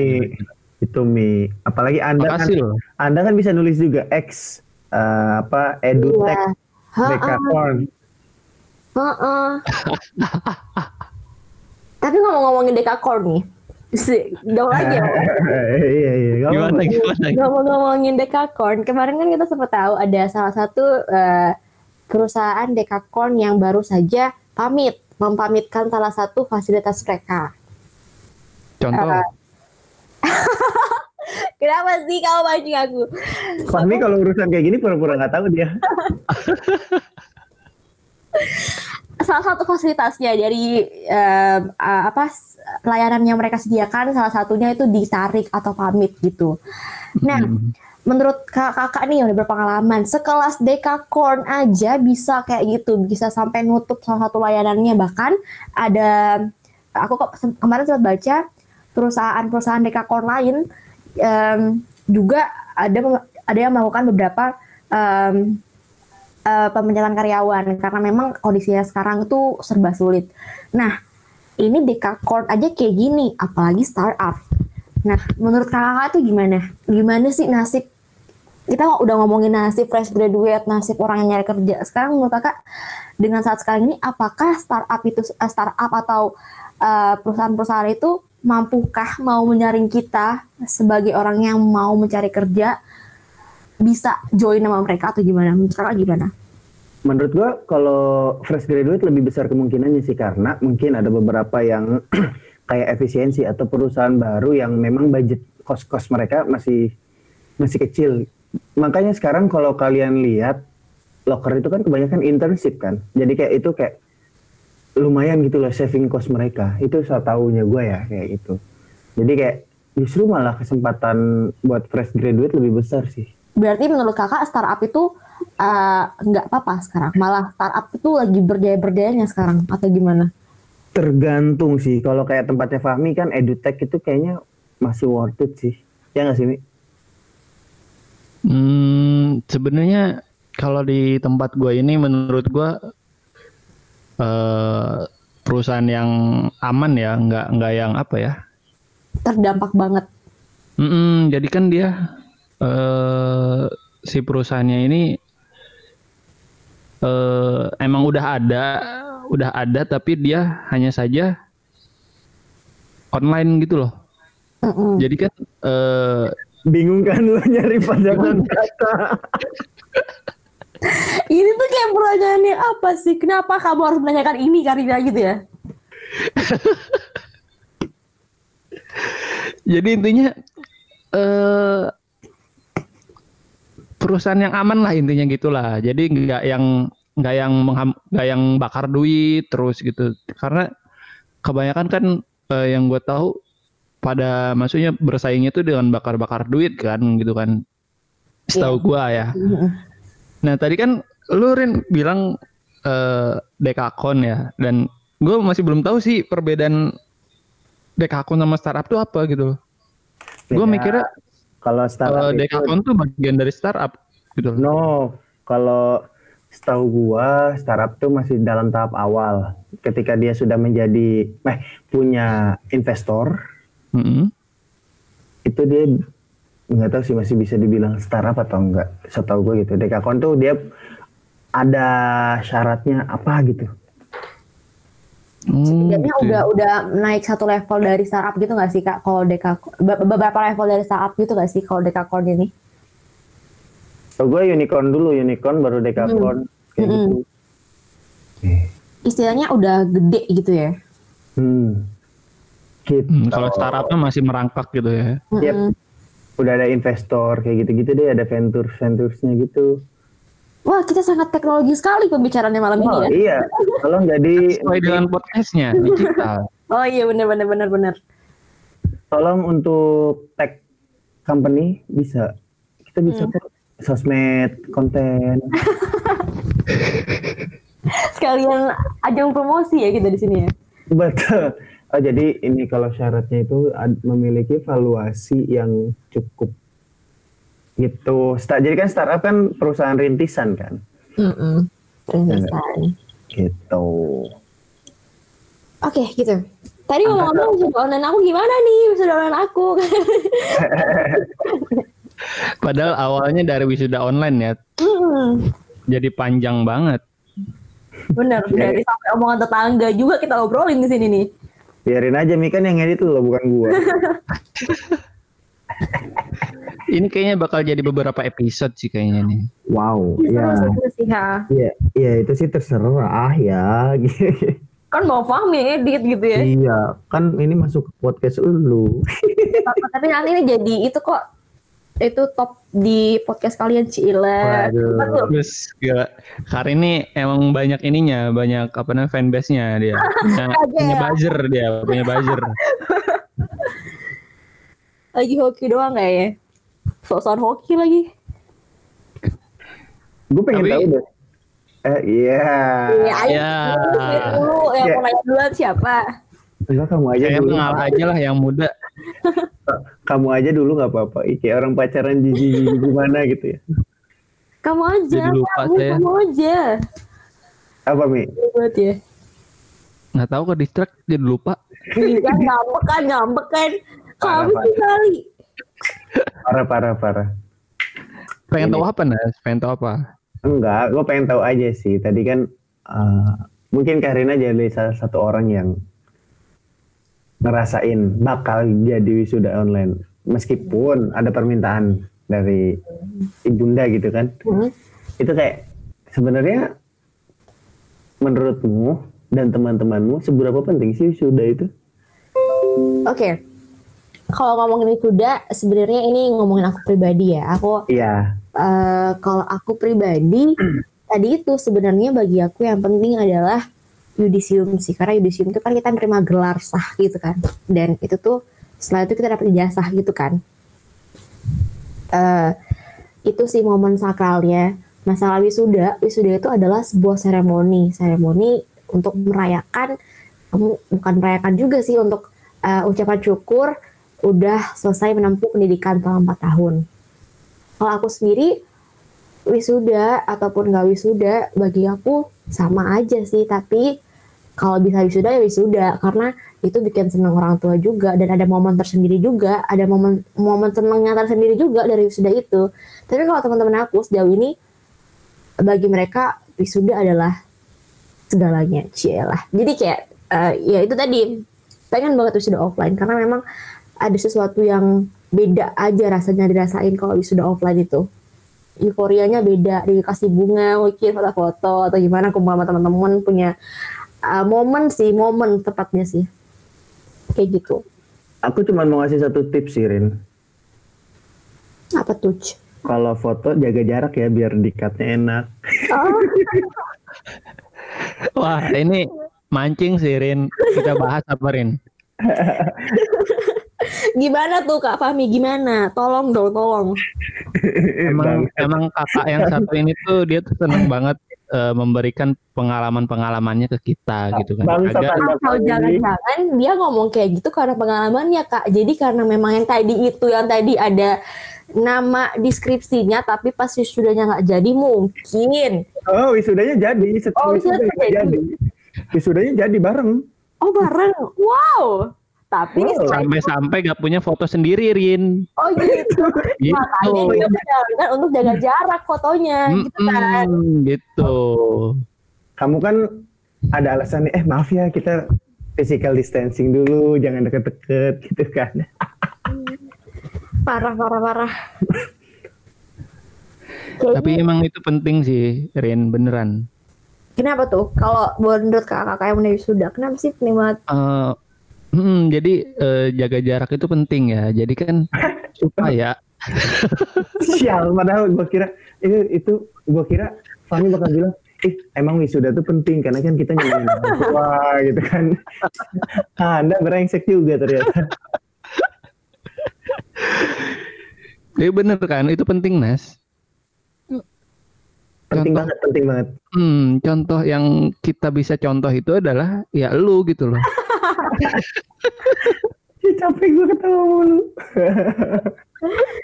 Aduh, jadi kayak kalau nanti tiba-tiba ada sedikit retakan. Jadi bisa lah ya kalau pengen ngupload foto sendiri tuh bisa gitu kan. Nggak jelek-jelek banget cropnya gitu ya. Iya makanya Hmm. soalnya di Instagram gue kan gak ada foto wisuda ya karena ya ya Karena gitu. itu ya, karena tadi iya Karena itu. Jadi buat teman-teman podcast yang dengerin podcast ini adalah kenapa di Instagramnya Kak Ali itu nggak ada foto wisudanya? Ya karena ini dia sudah menjawabnya di sini. Ini kayak klarifikasi gitu gak sih? waduh ini kayak Ini jadi kayak termehek-mehek deh. aduh Fahmi Cahyadi Fahmi Cahyadi Emang emang Bang Fahmi ada foto wisudanya di itu di di ada Kak. Ada dong, ada, Ada. dong. nggak di crop kan? Nggak di crop kan? Kan kan Tapi- kan tapi saya kan beda beda wisuda, beda hari. tapi kan Fahmi kan Sengaja. ceweknya, ceweknya nggak wisuda bareng Karina Kayaknya itu emang trik dari Bang Fahmi deh. Kayak dia tuh malas nge-crop atau gimana. Jadi kayak ya udahlah kalau kamu mau duluan duluan aja atau enggak aku duluan deh. Kayak gitu-gitu gak sih? kayaknya habis Jadi ini kan bakal ada yang berantem nih Jadi kan kalau misalnya Nasuha itu kan dia Aji jadi Tunggu. gosip dia kan nunggu. Gimana gimana nih Kana Suha? Gimana Kana Suha? Hmm, jadi kan dia saling menyemangati. Ayo Iya, dong semangat jelas, agar kita jelas, bisa wisudanya bareng gitu Iya juga ya ada kan. tulisannya. Mm-mm, jadi kan ayo dong semangat biar kita wisuda bareng. Mau kan wisuda bareng aku? Ini Gitu. aduh aduh gue gue gue rasanya pengen ngomong kasar terus nanti wisuda bareng ketemu sama mama papa, satu rahmi gitu ya om tante gitu kan. Ini Mm-mm. terus tiba-tiba nanti fotonya di crop sedih banget sumpah sedih banget muncul lah kalian oke kita akhiri aja pembicaraan oke Makasih loh Nas, makasih loh Nas sudah gabung di, di podcast gua ya kan. Iya, aku sih no comment sih kalau soal itu. Cuman ya titip pesan aja buat adik-adik yang memang punya pasangan selama kuliah. Boleh wisuda bareng, boleh foto bareng. Tapi porsi Anda dan keluarga harus lebih banyak ya. ah, gitu Gitu. Tuh dengerin ya, Karin. Nah, gimana kak? Mau juga mau foto bareng juga gimana sekarang? Foto itu screenshot itu. Layar layar laptop. Kan, kan lagi musim, kan lagi hype tuh virtual foto konsep. oh iya ya. Terus gimana ya Green foto screen. oh iya bener bener bener bener. Nah ngomong-ngomongin soal wisuda nih soal digital marketing dan lain aku nih kayak jadi yang punya podcast ya aku Gak nanya. apa-apa dong, ini milik bersama loh.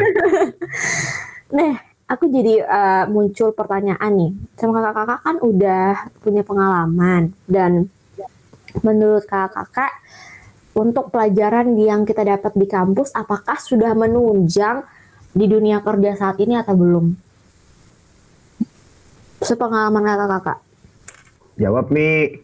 Nasuha dulu deh kayaknya yang pertama kali lulus. Habis ini kita ngetek itu ya. Ini nanti nanti gue dicari sama humas kampus nih. Mana dosen kita lagi humas ya? Aduh iya bener. Coba gimana gimana? Gimana? Apa apa apa? Gimana Gimana? gimana, gimana pertanyaannya? Eh, menurut kakak, apakah yang sudah kita dapatkan? Apakah yang sudah kita dapatkan di kampus itu menunjang banget sama uh, di lapangan saat kita kerja atau enggak? Ataukah skill yang di- yang digunain saat kerja itu kita dapat di tempat lain atau gimana? Menurut kakak gimana? Hmm, bisa kalau dibilang menunjang ya pasti menunjang di kerjaan sekarang. Dan sebelumnya sih sangat menunjang gitu kan. Apa pun yang diajarin entah itu fotografi, entah itu public speaking. Yang paling gue ingat adalah eh, ketika gue dapat mata kuliah penulisan akademik itu berpengaruh banget. Entah cara kita nulis, entah cara kita sharing sesuatu kayak gitu. Jadi kayak ya udah yang penting tulisan lo bisa SPOK kayak gitu kan ya walaupun dikemas dengan bahasa yang santai gitu ada beberapa yang masuk ada juga kayak ini harusnya dipelajari nih di kampus gitu. Karena kan secara spesifik kita nggak pernah belajar tentang nggak tahu ya kalau kalau sekarang. Kalau dulu kayak gue kayaknya nggak nggak ada tuh kelas khusus digital marketing. Kita kenal kita kenal belajar tentang analitik, terus kayak sosial media spesialis, bahkan beberapa pekerjaan yang sekarang lagi hype pun itu kayak nggak kepikiran gak sih? Kayak oh ter- ternyata sekarang jadi sosial media spesialis itu dihargai ya. Kayak dulu kan mikirnya kayak ah lo kerja jadi sosmed admin kayak gitu kan. Cuman upload balas-balasin komen. Dan ternyata itu kayak Dan butuh bahkan sekarang itu yang paling dibutuhin ya sih, yang bener banget. Asli itu itu kayak kayak ya udah biasanya kan kayak admin ya lo sebagai admin ya udah ngitung apa absen atau apa kayak gitu. Sekarang tuh kayak sekarang sosial media spesialis aja bisa dibilang konten kreator ya gak sih Hmm. bikin Karena- mikirin mikirin ide buat sosmed eh, konsep kayak gitu Dan bahkan sekarang sosial media spesialis itu bukan cuma dituntut jadi admin dan pembuat konsep loh kak. Dan sekarang tuh dituntutnya tuh untuk bisa editing juga, untuk bisa mengolah konten Betul. yang dia pikirkan itu juga. iya dan analitik sih yang penting. Nah, Ya, gimana nih Bang Fahmi? Eh, Kakak Ali mau masih ngomong? udah udah udah udah udah, udah. Idem. idem. Enak banget ya ngomongnya idem gitu ya. cari aman banget ya Ya pada intinya kan sama lah karena eh tapi kalau gua kan pekerjaannya juga masih ini ya masih sejalan sama jurusan gue juga. Jurusan kita dong, kan kita bareng nih bertiga. Oh iya, Gimana? tapi yang gua eh kan kalau misalnya di jurusan kita kan maksudnya ada konsentrasinya kan. Mm-mm. Nah justru kalau di gua dulu konsentrasinya media kreatif dan sekarang kerjaan gue justru malah masuknya komunikasi strategis gitu loh. Mm-mm. Jadi gak nggak apa namanya nggak sesuainya di situ sih maksudnya bidang bidang ini. Tapi kalau dari kuliahnya ya bermanfaat. Maksudnya kepake juga di pekerjaan menurut gua. Karena dari kuliah itu banyak eh, walaupun hanya apa ya istilahnya? Walaupun Bang Fahmi cuma titip absen. sorry ya nggak nggak salah. Jadi jadi eh, si mata kuliah ini walaupun cuma basic tetap bermanfaat gitu loh di lapangan pekerjaan gitu tapi intinya di pekerjaan itu yang lebih bermanfaat lagi menurut gua adalah mental sih menurut gua nah mental ini bisa didapatnya dari kegiatan di luar kampus mis bukan di luar kampus sih di luar kelas maksudnya Mm-mm. Nah, jadi kayak ekstra ekstrakurikuler, ini kayak SMA ya, ekstrakurikuler, komunitas gitu, kayak organisasi. Gue diomongin sendiri coba.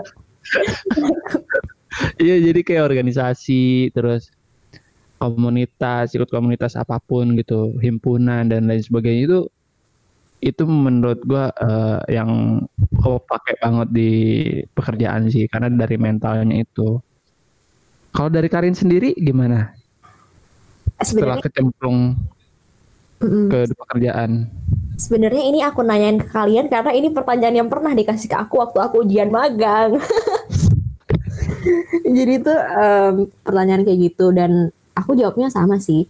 Cuman sekarang itu kerennya di kayak kita bakal di endorse lagi deh. Ke- kerennya sekarang di prodi kita itu banyak acara-acara webinar yang mendatangkan eh, pembicara-pembicara dari kating-kating yang memang sudah berpengalaman di bidang kerja. Jadi kayak uh, teman-teman yang masih kuliah sekarang itu punya punya pengalaman lain selain belajar Hmm, bener bener bener. uh, belajar uh, yang udah mata kuliahnya. Jadi kayak dari webinar-webinar itu mereka bisa nanya uh, misalnya katakanlah digital marketing itu kerjanya ngapain aja sih kak? Gimana sih prosesnya kayak gitu-gitu? Mhm. Jadi kan dapat ilmu baru dan keren sih menurut aku sekarang sistem Ada referensinya gitu ya. Mm-mm. Jadi kita kita lulus itu nggak nggak imajinasi lagi, nggak ngebayang ngebayangin lagi ini bentukannya kayak gimana sih nanti kerjanya. Jadi udah ada pandangan gitu. Ini Hmm, bisa nah, bi- bisa kayaknya Fami kalau diundang di prodi.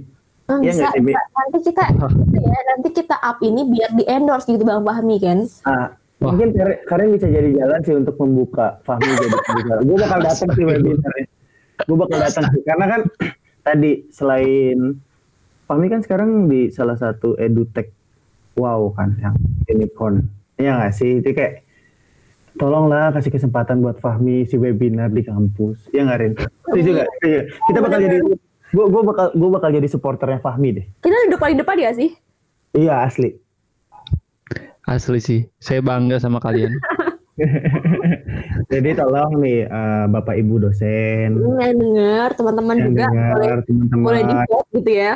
Ya boleh nih nanti Fahmi Husaini Sanung boleh lah diundang gitu kan. Ngeri, ngeri, ngeri, ngeri. itu gak ada nggak ada yang dateng itu asli. Ada lah Mi kan kalau nggak hadir nggak absen gimana sih? Iya. Iya, ntar kan yang jagainnya Mas Yudi. Kok kamu bawa Mas Juni sih? Lo, lo ketahuan banget deh dulu pas ada seminar suka titip absen. Sorry, gue seminar selalu dateng ya. Tapi Panitia. absen doang. Panitia, Enggak, panitia. absen, terus ngambil snack, terus balik lagi. Itu kayak gue deh. Pengalaman banget. itu Anda barusan mengatakan sendiri bahwa itu ada pengalaman Anda. Tapi kalau Fahmi ini kayaknya panitia ya kak ya? Enggak dong. Asli Kita dia, bicara tadi, Oh webinar katanya. bicara. Gimana dia sih? cinta banget sama panitia. Tapi kan dari panitia itu dapat pengalaman tadi kan mental yang tadi itu di dilatih kan. Mm-mm, benar, benar. Saya memperhalus banget ya kak. Padahal kamu juga nggak tahu mau jawab apa kan. Iya nih gara-gara Nasuha ini. Tuh kan. Asli. Ini sebenarnya acara apaan sih? Gue nggak tahu. Oke, balik lagi sebagai yang punya kendali, kontrol dunia. Enggak gue tadi nungguin. Oke, eh, menurut lo Naswa gimana nih? Gitu. Gimana kontrol dunia kalau udah ngomongin kontrol dunia ini kayak sensitif banget ya sih? Parah. Wah ini mancing lagi sih. Gak selesai-selesai ini podcast ini. Ada gitu ya podcast sejam nggak selesai selesai. Jadi kontrol dunia itu gini. Tapi kan lo nggak percaya Mi dengan tadi yang kita bahas. Masa Sorry, itu lu kayaknya nggak percaya tadi. kan tadi lo yang bilang sendiri. Hmm, percaya. Anda kan tadi ambil aman, Nas. bukan ambil aman sih karena memang bukan kapasitasnya buat percaya atau nggak percaya. Tapi sebagai masyarakat kita perlu untuk tahu, Nas. Tapi kamu punya hak untuk hak untuk menjawab itu loh. Wow, aku diserang, aku diserang. Bagus, Karin. Bagus, bagus. Wow, aku diserang, aku diserang. Tapi itu Jadi balik lagi ke pendapat pribadi dan nggak ada salahnya juga dalam beropini kecuali opininya itu menyinggung orang banyak. Ya, jangan.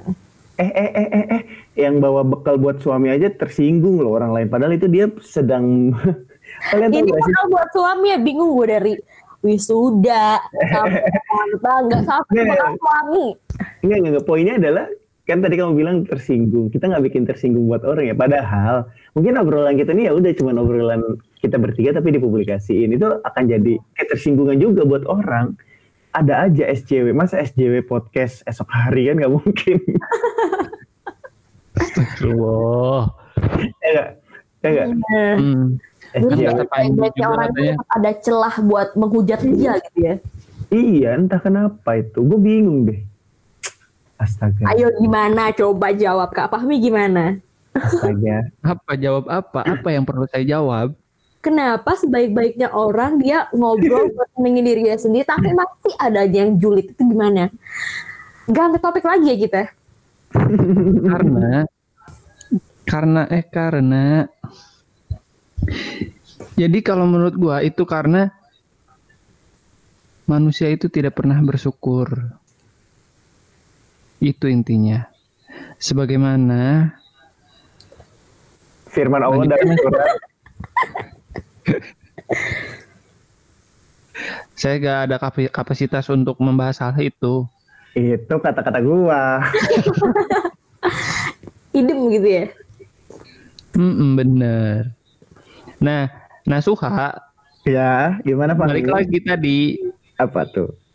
kenapa anda bisa mau loncat lagi Enggak loncat. Jauh ya ini. Enggak loncat. Enggak loncat. Gue mau tes seberapa pengaruh sih pengalaman gue sekarang kayak gitu biar kapasitas gue oh gue kurang ini oh gue kurang itu gitu kalau Kamu gue Berarti bermodal pengen tahu doang kak, pengen tahu kapasitas kamu doang nggak? Wah, Enggak. iya, nggak mikirin, Nggak, nggak nggak, mikirin. Kalau aku secara perempuan nih, secara perempuan kan, cilah. Eh, mikirnya kayak gini, kan kamu bilang kamu mau ngetes apakah kapasitas kamu itu sudah mumpuni apa belum?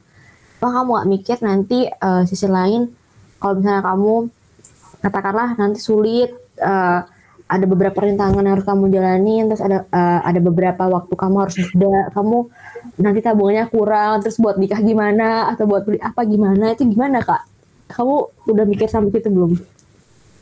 aduh aduh Mampus. aduh aduh enggak kalau aku gini. Buat aku kalau nggak tahu ya. Kan generasi Z eh lu masuk generasi apa ya? ya pokoknya generasi sekarang gitu kan. Uh, terkenal dengan nggak betah bosenan segala macam. Itu menurut, menurut gue itu nggak nggak sepenuhnya salah dan nggak sepenuhnya benar. Kenapa? Di saat kita stuck nih. Stuck itu bisa bagai macam ya. Entah itu dia stuck kerjaan entah dia stuck karir atau dia stuck salary segala macam kayak gitu ya udah kalau misalkan sekiranya lo melihat pe- peluang nih wah kayaknya gue kalau di sini gue bisa dapat prospek karir yang lebih bagus nih kayak gitu. Atau misalkan kayak ini nih waktunya gue buat naikin harga gue gitu. Gitu. Yang penting kita udah punya punya punya punya harga standar harga Punya value yang mau di itu ya? ya punya value sendiri kayak gitu. Misal nih misal lu gak mikirin, gak mikirin fresh grade, fresh grade dong. Eh, bukan gak mikirin Fahmi. Anda tolong jangan mengadu domba saya dengan grade gini gini gini gini. Gue lurusin. Saya mulai tersulut ini, saya mulai tersulut. gini nih gini gini. Gue lurusin gue lurusin. Sebenarnya eh, ada beberapa requirement yang memang ditujukan untuk para expertise ya. Eh, expertise ya pokoknya para profesional gitu yang kan. Iya. Ah, yang punya experience dan memang ada yang requirement dari lowongan kerja itu dia nerima fresh graduate kan. Banyak kok gue gue beberapa kali pernah kalah saing dengan fresh graduate kayak gitu. Ternyata ya memang dia skillnya lebih bagus atau misalkan entah dia dari speaking segala macam kayak gitu. Jadi anda tolong jangan membuat para fresh graduate ini insecure Fahmi. Gini ya adik-adik fresh graduate Ini ini podcastnya apa sih temanya? Buku saya? biar aja Fahmi ya kan Fahmi yang mikir judul. Nih jadi enggak pengalaman gue gini. Ketika lo mau mulai kerja ya harusnya lo sudah mempersiapkan itu dari kuliah. Entah itu pengalaman organisasi lo entah itu pengalaman as volunteer kayak gitu segala macem atau pengalaman kerja lain di luar kuliah kayak gitu. Atau lo buat portofolio sebanyak-banyaknya. Contoh nih Karina. Karina kan punya project yang menurut gue oke banget sih. Ini ini kenapa inilah kenapa mungkin dia jadi top of di tempat gua kan kayak gitu. Ya mungkin karena dia punya brand value yang bisa dijual ke perusahaan kan entah karena dia punya ilustrator. Misal simple deh simple deh. Misal Karen Karen apply nih. Eh gue mau dong jadi desainer. Ya pasti perusahaan nanya dong apa bukti bukti lo dari desainer oh ini gue punya beberapa karya yang pernah gue buat ini ini ini kayak gitu. Jadi janganlah insecure duluan kayak gitu. Mending nih kan sekarang selama masa pandemi ini kan cukup panjang dan kita nggak tahu akhirnya kapan. Ya udah lo ikut webinar kayak ikut apa namanya online course kayak kayak gitu. Nambah-nambah kayak bikin blog kayak apa gitu ikut Mm-mm, bener. ikut Bikin sekte podcast apa kayak gitu iya bikin podcast kayak sekte apa kayak bikin TikTok kayak tadi kan ya Iya benar-benar benar. Ikut Jangan- webinar tuh tadi kan. iya jadi sih kayak Webinar ikut webinar tadi itu kan tadi maksudnya gini kak ikut webinar tadi itu kan kan gue pembicaranya bang Fahmi itu mau ngomong kayak gitu. oh iya oke. Emang dia tahu hati gua gimana Karinan. gitu jadi kayak jangan jangan kalah sebelum berperang gitu loh. Entah karena ih gue fresh graduate nggak mungkin ah gue bisa di perusahaan A misalkan kayak gitu. Jangan gitu dong. Kayak gitu. Bisa aja karena misalnya lo lo daftar di perusahaan A terkenal punya nama big four kayak gitu kan. Tapi kayak ada lo saingan lo sama yang experience-nya oke gitu kan tapi di satu sisi perusahaan melihat ah ini fresh graduate experi pengalamannya oke skillnya oke attitude-nya oke harganya juga nggak terlalu mahal. Nah, siapa tahu kalian yang lolos kan gitu loh. Ada pertimbangan-pertimbangan lain lah gitu. Guys ini kayak gue kayak ngasih kuliah umum ya. Motivator. Motivator itu gitu gitu jadi tolong saudara Fahmi anda jangan mengadu domba saya dengan fresh graduate Tidak dong. Saya tuh memberikan wawasan kepada fresh grad waduh bahwa Boleh, ada boleh. orang yang seperti Anda gitu loh. bener bener bener bener Bener kan? Nah, Bener berhubung udah jam setengah 12 malam, ah disebutin Wah, jamnya harus bekerja ya mm-mm, besok itu saya udah mulai bekerja, Anda juga pasti mulai bekerja. hmm. Saya ingin minta kata sepatah kata dari kalian berdua tentang obrolan malam ini. apaan ya banyak banyak banget yang paling bekas tuh omongan tetangga sumpah Dimulai dari Nasua dulu dah. sumpah Mi gue bingung apa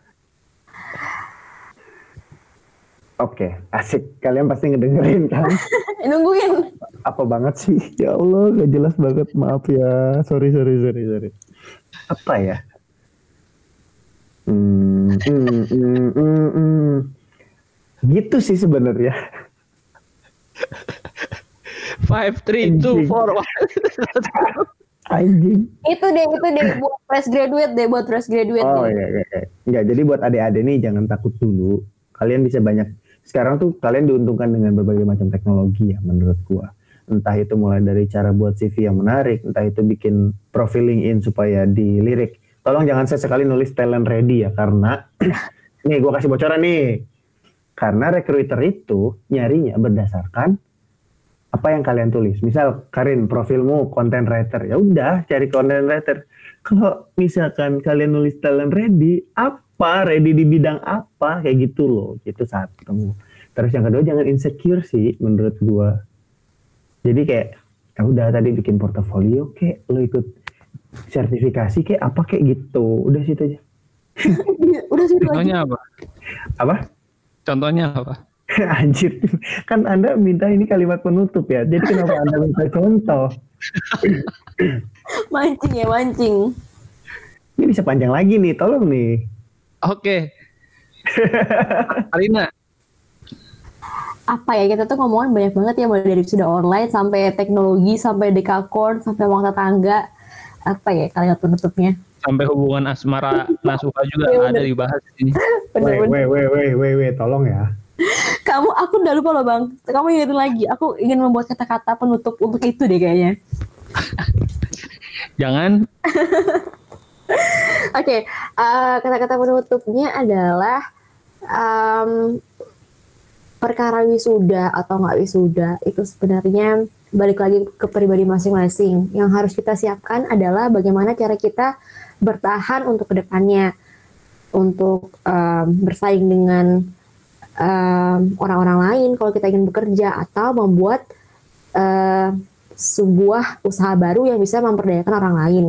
Jadi kalau perkara mas- masalah wisuda online dan lain-lain galau ya udah nggak usah galau terlalu lama sih. Galau boleh tapi jangan larut-larut. Mending kita bangkit, kita harus menuju masa depan yang lebih cerah untuk ke depannya. Cilah gitu sih. gini Nas, kata-kata penutup tuh kayak gini. Iya, ya lo jangan kalah sebelum berperang ya. Gitu gitu. Pokoknya Gitu. Oke, makasih ya. mm-mm. Kata-kata penutup dari lo apa, Mi? Iya bener kan harus ini balance. Oke, jadi kata-kata penutup dari gua. Sebelum kata-kata penutupnya, gua mau ngucapin makasih dulu nih sama buat Karina, sama buat Naswa udah gabung nih di podcast gua ngobrolin macem-macem dan semoga ya pastinya bermanfaat lah ya. Amin. Nah, untuk kata penutup dari gua, wassalamualaikum warahmatullahi wabarakatuh. Waalaikumsalam. Aku tadi pikir mau idem loh dia. Assalamualaikum warahmatullahi wabarakatuh. Thank you semuanya. Hmm, kasih Bang Fahmi, Kak Ali, semuanya keren kan.